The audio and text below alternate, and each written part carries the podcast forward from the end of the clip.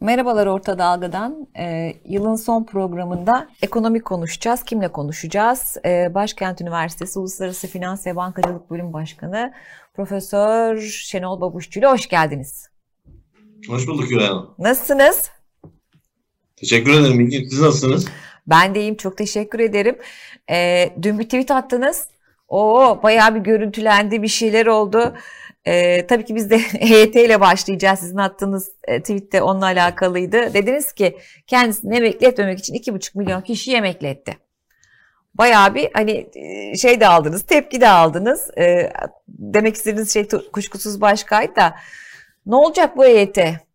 Herkes çok mutlu mu? Herkes EYT'liler oldukça mutlu. Tabii gelecek yıllara çok ciddi bir yük. Evet.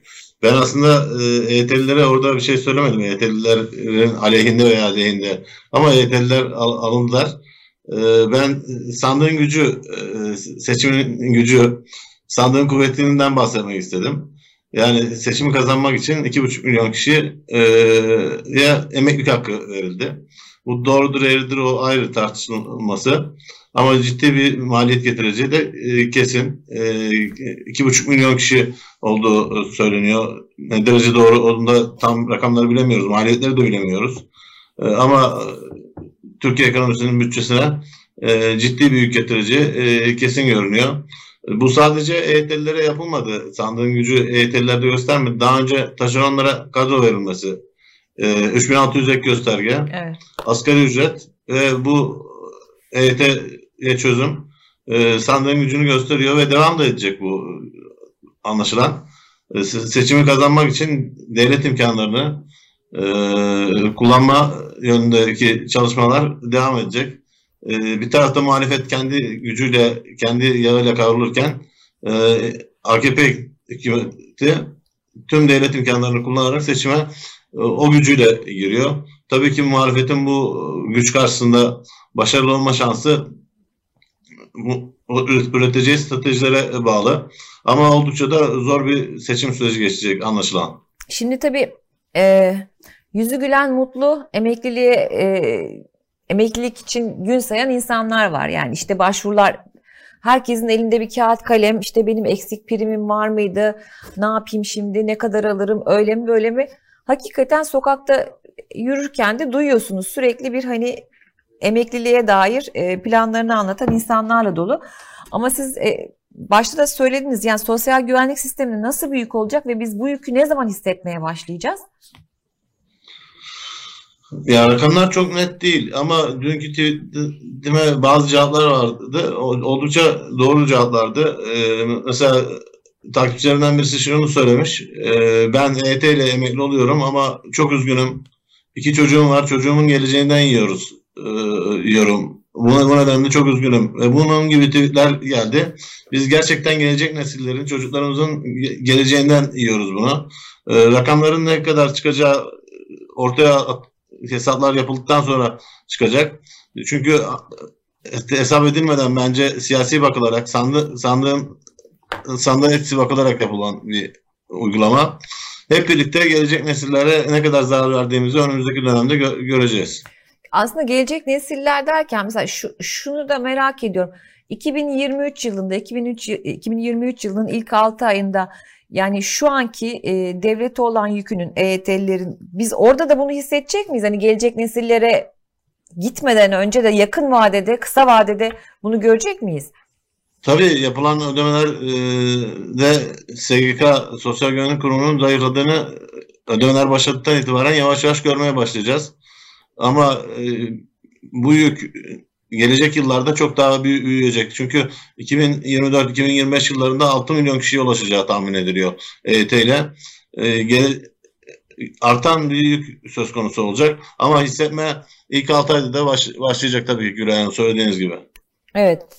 Ee, peki şimdi aşağı yukarı rakamlar belki hani tam olmayabilir ama 14-15 milyona yakın ücretli çalışan ve EYT ile beraber emekli olduktan sonra yaklaşık 16 milyonu aşacak bir emekli var. Yani ilk defa aslında emeklilerin sayısı çalışanların sayısını geçmiş olacak. Ona 14 milyon 16 milyon için mi çalışacak? Maalesef öyle. 14 milyon çalışan 16 milyon emekli için çalışacak. Çünkü bizim sosyal güvenlik sisteminde yatırdığınız primlerin karşılığını alma değil, daha çok prim bugün prim ödeyenlerin emeklilere maaş ödemesinde kullanılması sistemi geçerli. Aslında işin sigortacılığın mantığında baktığımızda veya emekliliğin mantığında baktığımızda kişi 20 yıl, 25 yıl, 30 yıl, 40 yıl prim ödeyecek.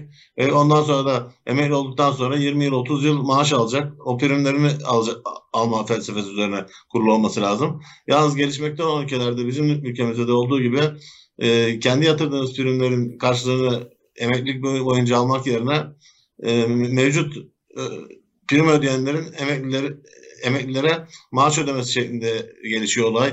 Bu da tabii ki e, sistemin altyapısının bozuk olmasından kaynaklanıyor. Bir de tabii e, asgari ücrete bir zam yapıldı. E, 8,5 8500 lira oldu. Geçen hafta oldu bu zam. Geçen haftadan bu yana e, asgari ücrete yapılan zamda erime oldu mu? Yani bu kadar çünkü hani işte marketlerde rakamlar da değişiyor. E, ne, ne düşünüyorsunuz? Ne görüyorsunuz? Şimdi günden güne erime mutlaka oluyor. Ee, ama ne kadar eridiğini tespit etmemiz e, günlük olarak zor. Aylık olarak tespit ettiğiniz bir rakam var. Enflasyon rakamı. Hı hı. Ee, enflasyon rakamı Aralık ayında muhtemelen %4'ler civarında gelecek. Ondan sonra Ocak ayında da trend devam edecek. Aslında e, belki ilerleyen sorularda soracaksınız da AKP'nin seçim stratejisi tamamen para bolluğu üzerine dayanıyor. Evet. Bu, bu para bolluğu stratejisi de başladı uygulamaya. Ee, neler, nelerle başladı? EYT ile başladı. Bir taraftan bir taraftan asgari ücretle başladı. Bir taraftan da kredilendirmeyle başlıyor. Yani para bolluğu stratejisi üzerine kuracak ve hükümetin tüm kaynaklarını e, Merkez Bankası'nın tüm imkanlarını seçim sürecinde kullanacak. Nasıl olacak? Benim tahminim ve bazı uygulamalar gösteriyor Gülay Hanım. İki kanaldan para bolluğunu yaratacak seçimde. Birinci kanal krediler kanalıyla yaratacak. İkinci kanal sabit gelirlere zam kanalıyla yaratacak. Bu kredilerde üç adımı var. Birinci kanaldan yapacağı etkiler üç adımla gerçekleşecek. Birinci adımı attı AKP krediler kanalında. Esnaf sanatkar'a 100 milyar TL'lik bir kredi ayırdı. Ve kullandırma başladı bu ay içinde. Aralık başında başladı bu. 100 milyar TL %7,5 faizli e, düşük faizli kredi kullandıracak esnafa. Kullandırma başladı. Birinci adım bu krediler kanalında. İkinci adım ise krediler kanalında önümüzdeki hafta açıklayacak. Ticari işletmelere, orta ve büyük boyuttaki işletmelere KGF garantili, kredi garanti fonu kredi, garantili krediler aktarma başlayacak. Bunun da faizi %9 veya %9'un bir miktar altında da e, olabilir. Önümüzdeki hafta açıklanacak. Yani pazartesi salı açıklanmazsa hafta ortasını geçmeden açıklayacak. İkinci adım bu. Yani birincisi esnaf sanatkara kredilendirmeydi başladı. İkincisi orta büyük şey, ticari işletmelere kredi. Böylece şirketler bölümünü tamamlamış olacak kredilendirmede. Üçüncü adım ise Ocak ayının ikinci yarısında başlatacağı bir adım var. Üçüncü adım bireylere kredi. Hı hı. Konut kredisi, taşıt kredisi ve ihtiyaç kredisi. Burada hem vadeleri uzatacak hem yine %9'un altında düşük faizli bir kredilendirme stratejisi yönetecek. Özellikle kamu bankaları kanalıyla pandemi döneminde yaptığı kredilendirme benzeri bir kredilendirme e, kredi akıtmaya başlayacak. Bu üç kanaldan kredi olduğu yarattığı takdirde piyasada önümüzdeki 4-5 ay için yani Ocak Mayıs ayları arasında 5 aylık bir para bolluğu doğuracak kredilendirme. Şimdi... Neden peki bunu yapıyor? Oy kaygısı nedeniyle yapıyor ve oy kazanmak için yapıyor. İkinci kanal dediğimiz kanal ise sabit gelirlere zam şeklinde olacak. Bunun da ilk adımını attı. Asgari ücrette %55 zam yaptı. EYT ee, ile ikinci adımını attı. EYT'leri emekli etti. Üçüncü ve dördüncü, beşinci adımlar gelecek peşinden. Biraz önce sizin söylediğiniz gibi memur ve emeklilere zam gelecek. Benim tahminim memur ve emeklilere zam enflasyona göre oluyordu bugüne kadar. Ama enflasyona göre yapılırsa şu an Aralık ayı enflasyonu belli değil ama ilk 5 aylık yılın son 5 aylık Temmuz Kasım dönemindeki enflasyona göre yapılacaktı. Temmuz Kasım dönemindeki enflasyon %14-15 civarında şu an. Aralık enflasyonunda %4 gelirse %18 emeklilere zam yapılması lazım. memurlara, emeklilere. Fakat %18'de zam kalmayacak. Aynen EYT taktiğinde asgari ücrette uyguladığı gibi %35-40 zam bekliyorum ben. %35-40 zam yapacak. Böylece oradan da bir para bolluğu yaratacak. Üçüncü adım olarak. Asgari ücret 1, EYT 2, memur emeklilere zam 3 ve bu peşinden devam edecek yine e, sosyal yardımlar gerek maddi yardımlar gerekse gayri nakdi yardımlar daha önceki seçimlerde kullandığı makarna dağıtma, kömür dağıtma veya diğer gıda maddelerini dağıtma konusundaki yardımlarla e, para bolluğunu pekiştirmiş e, olacak. Bu tabii ki bize yine ilk yılın ilk 5 ayında bir para bolluğu ve bir geçici bir refah artışı, geçici bir ferahlama yaratacak. Ama 5. aydan itibaren, seçimden itibaren bu enflasyon etkisi görülmeye başlanacak. Ve enflasyon yılın ikinci yarısında benim tahminlerime göre hiper enflasyona doğru gidecek. Yani %100'ün üzerindeki bir enflasyona doğru seçimden sonra gidiş var. Bunu nasıl önleyeceğiz? Onu da biraz sonra konuşalım isterseniz. Peki şimdi e, kamu bankaları aracılığıyla kredi e, verilmesini konuştuk. Ama kamu bankalarının da hani kredi verirken öyle her, her isteyen de alamıyor. Yani zaman zaman orada da bir, bir daha kolay bu kredilere ulaşabilen bir grup var. Küçük bir grup aslında mutlu olacak kredi almayı başarırsa öyle değil mi? Yani hani e, her vatandaş gidip kolay kolay kamu bankasından e, kredi alamıyor. Böyle de bir gerçek var. Şimdi tabii ki alamayan ma mali tabloları kötü şirketler olabiliyor. Veya Yok bireyler kolay alamayan yandaşlar olabiliyor. Evet işte onu söylemeye çalışıyorum. Yani hani o da o kadar kolay bir durum değil.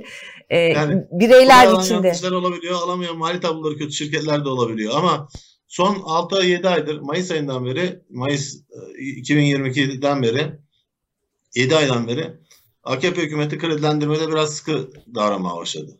Neden de bu enflasyonun %85'lere ulaşan enflasyonun hiper enflasyona doğru gitmesinden korktu.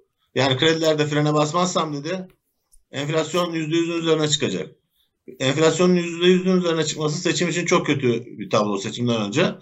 Onun için enflasyon %100'ün üstüne çıkmasın. %100'ün altında kalsın. 85'lerde kalsın. Ben de bu kredileri bir miktar frenleyeyim dedi ve 7 aydır kredi kullandırmada çok cimri davrandı kamu bankaları. Sizin de söylediğiniz gibi.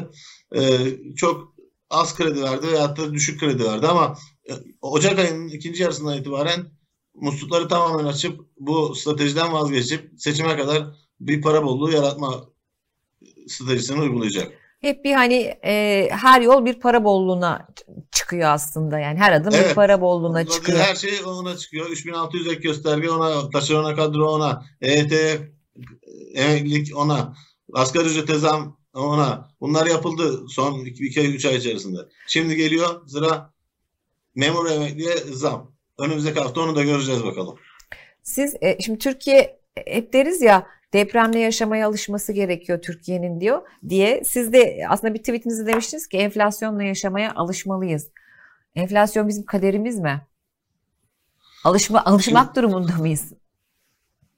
Şimdi enflasyon enflasyon canavarı, enflasyon hırsızlığı, cebimizdeki parayı çalan e, bu canavar e, çok hızlı yükselir. Bunun hızlı yükseldiğinde yaşadık. 10 ayda %19'dan %85'e geldi enflasyon. Yani e, bir yıllık süresin içerisinde yaklaşık %10'lu rakamlardan %85'lere geldi. Şimdi %85'ten tekrar %10'lu rakamlara düşürmek gerekecek seçim sonrası. Seçime kadar hiçbir şey yapılmayacak düşürme konusunda. Ama baz etkisi nedeniyle seçime kadar bir düşüş olacak. Yani bugün 85 olan enflasyon baz etkisi nedeniyle %60'lı rakamlara inecek seçime kadar. Fakat o %60'ı tekrar %10'lu rakamlara indirmek öyle bir yılda olacak bir iş değil. En az en az çok ciddi tedbirler alındığı takdirde iki yılda enflasyon 10, 10'lu, hani 10'lu rakamlara inebilir. E bu durumda şöyle bir durum söz konusu. Bir yıldır enflasyonun ortamında yaşıyoruz zaten. Hı hı. 6 ay daha seçime kadar yaşayacağız. Ondan sonra ekonomik program hazırlanıp uygulamaya konacak enflasyon önleme programı. 2 yılda o sürecek. Tekrar aynı rakama gelme. Yani iki buçuk yıl var enflasyonda geçen seneki rakama ulaşmamız için. İki buçuk yıl enflasyonla birlikte yaşamaya alışmalıyız. Enflasyonlu bir ortamda yaşayacağız. Kaderimiz bu. Maalesef AKP hükümetinin bize çizdiği yol bu şekilde oldu son bir yıldır. Peki.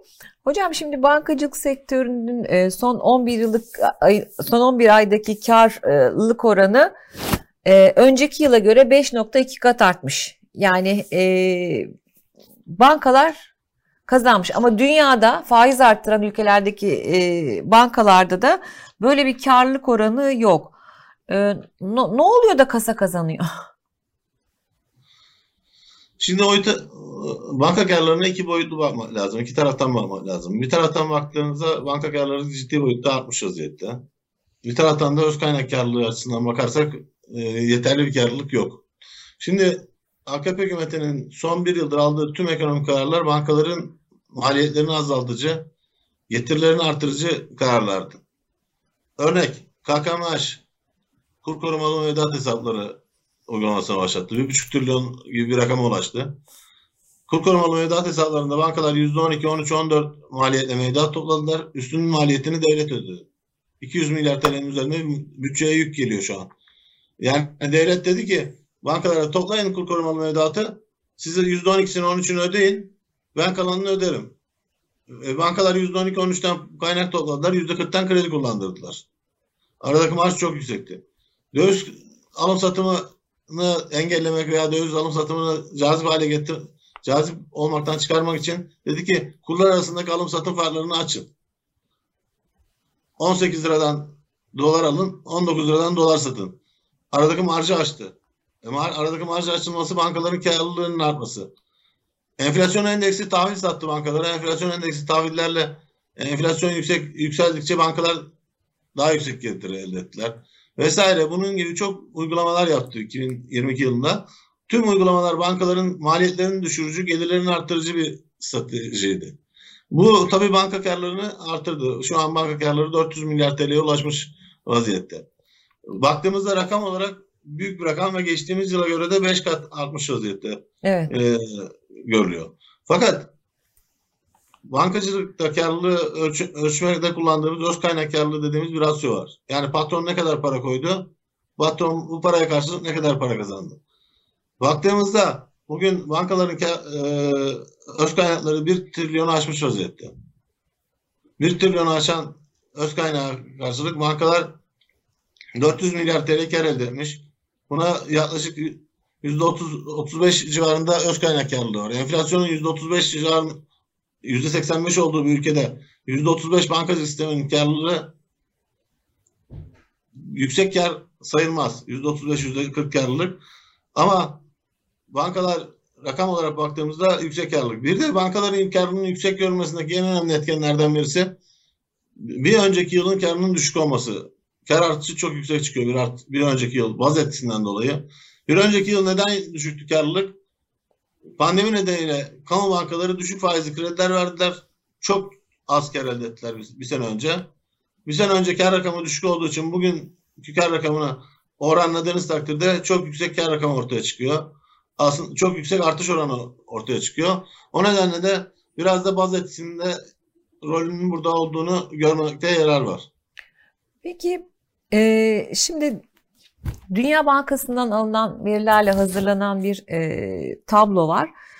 10 yıl son 10 yılda dünya genelinde e, 90 milyon kişi orta gelir e, grubundan düşük gelir grubuna ya da yoksulluğa geçmiş. Şimdi Türkiye'de de aslında e, benzer bir tablo var ve hani rakamlarda hayli yüksek. Geçenlerde e, çok hoş bir tweet okudum. E, tarihçi Profesör Emrah Sefa Gökhan bir tweet atmıştı. Hani gördünüz mü bilmiyorum. Ama benim çok hoşuma gitti. Türkiye orta sınıflar için çok zor bir yere dönüştü. Taksiye binemiyor. Vizesiz yurt dışına gidemiyor. Gitse döviz pahalı. Böyle çıksa dolaşsa park bahçe çok az. Yeme içimden, içmeden başka kültürel e, şey çok az veriyor şehir. Twitter, Netflix, serpme kahvaltı. Bize böyle söz vermemiştiniz. Evet yani Türkiye'deki orta sınıfa ne oldu? Ne olacak? Ee, orta sınıf diye bir şey kalmadı mı? Hocamıza katılıyorum. Çok doğru tespitlerde bulunmuş. Ben ilave yapayım. Orta sınıf araba alamıyor, ev alamıyor. Daha önceki döneme baktığımızda orta sınıf araba alabiliyordu, ev alabiliyordu. Araba alma dönemi geçti. Ev alma dönemi geçti. Bugün en düşük araba fiyatı 500 bin liranın üzerinde. Hı hı. Orta sınıfını alması mümkün değil. En düşük ev fiyatı 1 milyon 2 milyon. O da küçük şehirlerimizde. İstanbul'da falan 1 e, artı bir evler 5 milyonun üzerindeki fiyatlarla evet. satılıyor. İstanbul, Ankara'da, İzmir'de.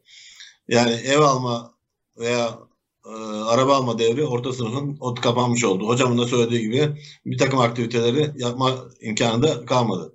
Ben geçen gün bir yerde yine bahsetmiştim yazı, yazılarımda da zaman zaman vurguluyorum. Sizin de söylediğiniz gibi Türkiye'de orta sınıf son bir yılda yok oldu. Çok kısa vadede gerçekten orta sınıfı AKP hükümeti yok etti. Biraz belki rakamlar çok doğru olmayabilir ama şöyle bir örnekle açıklayacağım. İki yıl önce Türkiye'de yüzde yirmi yüksek gelirli kesim vardı. Yani nüfusun yüzde yirmisi yüksek gelirli.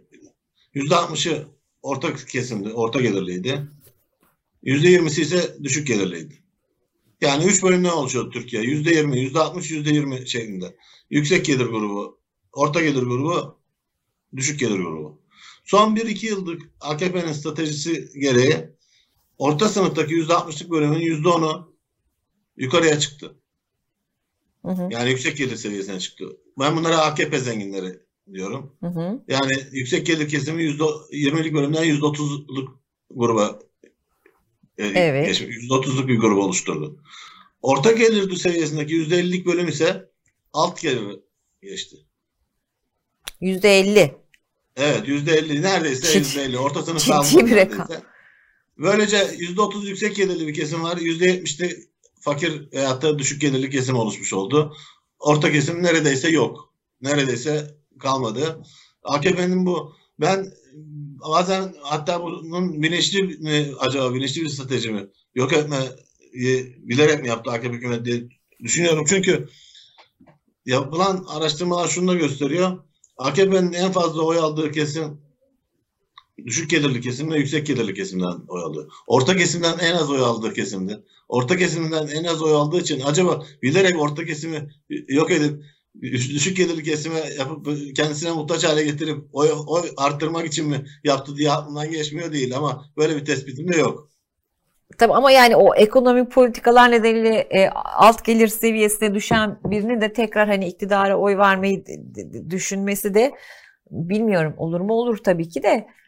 Ee, ama AKP'ye oy verenlerin çoğu düşük gelirli kesim. Yani düşük gelirli kesim çok o, o, düşük gelirli kesimde AKP'nin oy oranı çok yüksek. Hı hı. Peki orta gelir sınıfının ortadan kalkmasının bir takım toplumsal sıkıntıları da olmaz mı? Yani hani e, ciddi bir mutsuzluk, umutsuzluk. Bir de işin böyle bir boyutu var. Mutsuzluk, umutsuzluk yanı sıra e, yani mesela hukuk reformu. Ülkemizdeki önemli ekonomi dışındaki alanlardan bir tanesi yapılması gereken hukuk reformunu orta gelir seviyesindekiler çok fazla talep edip hükümete bu konuda isteklerini iletip baskı yapabilirlerdi ama düşük gelirli kesimin bu hukuk reformunu istemesi söz konusu olamaz. Bu tür etkileri de olacaktır. Sosyal yapı açısından, e, gelecek açısından, sizin söylediğiniz konu açısından e, mutlaka etkileri, sosyal etkileri de olacaktır. Ee, peki mesela 2000 2023 beklentilerine geçeriz. 2022'nin e, Türkiye'de ekonominin anlatmaya kalksak bir cümlede, iki cümlede ne söyleriz? Ne söylersiniz hocam? 20 yılın en kötü yılı. 20 yılın, en, kötü yılı. en kötü yılı. Peki e, son 20 yıl moralim bozdunuz yılın son gün. Başka bir şey söyleyeyim o zaman. Daha Faiz da kötü. enflasyon sonuçtur teorisinin çöktüğü bir yıl. Enflasyon sonuçtur. Evet. Ee, inşallah 2023'te tabii güleriz o ayrı bir konu da. 2020 son 20 yılın en kötü yılı dediniz. Peki hani veriler ne gösteriyor? 2023 daha da kötü mü olacak? Şimdi, Türkiye'de, dünyada. Dünyada ciddi bir resesyon söz konusu olacak. Özellikle Avrupa Birliği ülkeleri bu Rusya-Ukrayna savaşının getirdiği yaptırımlar ve e, doğalgaz sıkıntısı nedeniyle ve enflasyonist etkileri bastırmak için faiz oranlarının yükselmesini de etkilediği bir ekonomi içinde e, durgunluk resesyon dönemine girmiş olacak. 2025-26 2024-25'de bu durgunluktan çıkış dönemi olacak. O zamana kadar dünya ekonomisinde de çok iyi günler olarak nitelendirmeyeceğimiz günler geçecek. Ama bizim kadar e, dünya ekonomisi kötü günler yaşamıyor. E, biz dünyada en kötü ekonomiye sahip 3 e, ülkeden birisiyiz neredeyse. 2023 iki bölümden oluşacak. Birincisi ilk 6 ay seçim ekonomisinin uygulandığı dönem. Hı hı. Yani ve başladı bu zaten. Biraz önce de anlatmıştık. Ee, başladı bu seçim ekonomisi. Seçim ekonomisi hızla artarak devam edecek. İlk yarı aslında vatandaş açısından, bizi izleyenler açısından, e, ülke vatandaşlar açısından biraz para bolluğunun getirdiği bir geçici refahlamayla geçecek. Yani 3 ay mutluyuz yani. Kristal küre öyle gösteriyor. 3-4 evet, ay evet. bir mutluyuz yani. Evet, 4-5 ay mutluyuz. Yani seçime kadar mutluyuz. O da bir şey. Geçici bir refahı yaşayacağız. Ferahlama yaşayacağız. Mutlu olacağız. Bol para geçecek elimize. Oh, Bol parayı harcayacağız. Oh, oh süper. Fakat yılın ikinci yarısında Haziran Temmuz'dan itibaren hangi hükümet gelirse gelsin. AKP hükümeti devam ederse o. Devam etmese muhalefetin kuracağı bir hükümet gelecek. Bu iki hükümetin hangisi gelirse gelsin bir ekonomik reform paketi, ekonomik kemer sıkma paketinin açıklaması gerekiyor. Bu iki yıllık bir program olacak muhtemelen. Çünkü genelde bu tür durumlarda dünyada da ülkemizde de iki yıllık bir program hazırlanır. İki yıllık programda tamamen iki strateji üzerine gidilecek. Bir maliye politikası, bütçe gelirleri, vergi gelirleri arttırılacak. Yani bizim üzerimizdeki vergi yükü artacak. Bütçe giderleri kısılacak. Yani yatırımlar kısalacak. Maliye politikası bunun üzerine kurulu olacak. Para politikası ülkemizde son bir yıldır yok zaten. Biz Merkez Bankası'nın kapatsaydık bu dönemde hissedilmezdi. Merkez Bankası bağımsızlığını yitirdi ve hiçbir şey yap, karar almadı, hiçbir fonksiyon olmadı. Kararlar Beştepe'den alındı. Merkez Bankası Başkanı okudu. Kararları açıkladı sadece. Ve Merkez Bankası'nın gerçek fonksiyonuna kavuşması lazım. Bağımsızlığını tekrar elde edip para politikası uygulamalarına geçmesi lazım. Bu para politikası da kemer sıkmaya dönük olacak. Maliye politikası da kemer sıkmaya dönük olacak. Yani yılın ikinci yarısı ciddi boyutta son bir, bir buçuk yıldır şey, yapılan politikaların bedelini ödeme dönemi başlamış olacak. Bu da iki yıl sürecek. Enflasyona yaşamaya alışalım derken bu iki yıllık süreçte enflasyonu düşürme bir taraftan onunla uğraşırken bir taraftan da enflasyonla yaşamaya alışmamız gerekecek.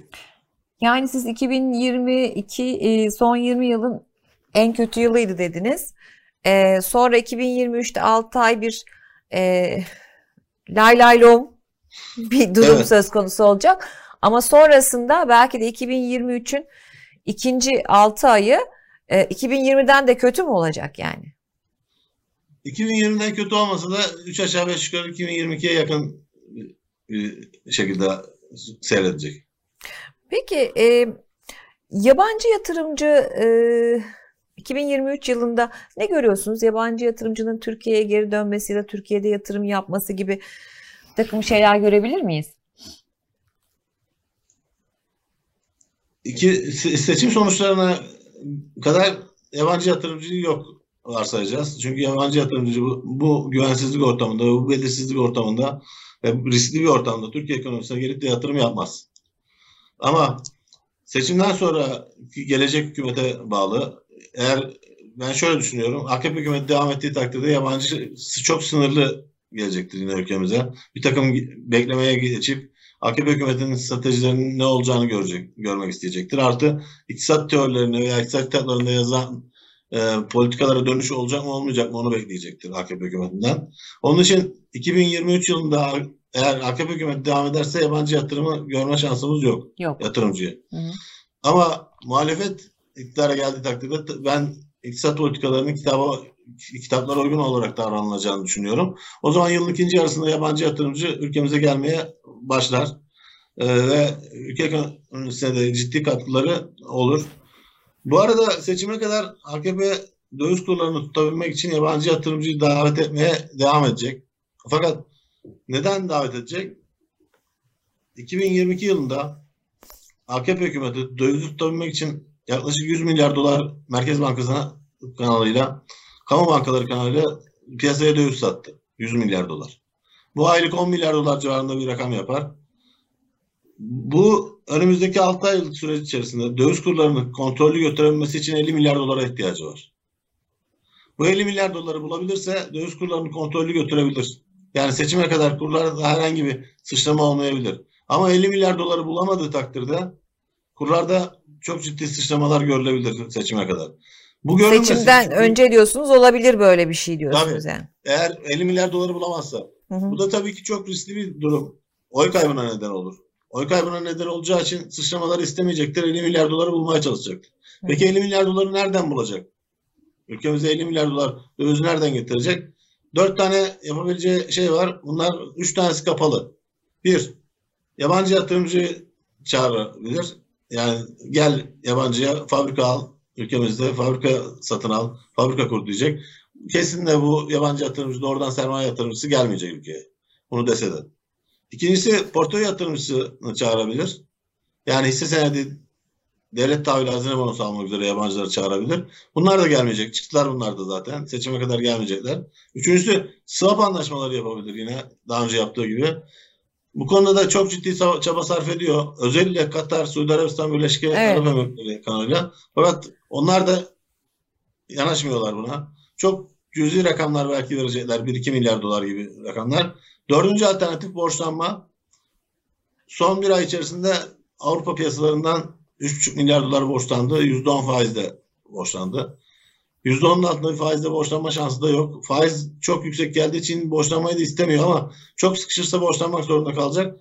Fakat 50 milyar dolar borç bulması imkansız. 3-5 milyar dolar daha borç bulabilir.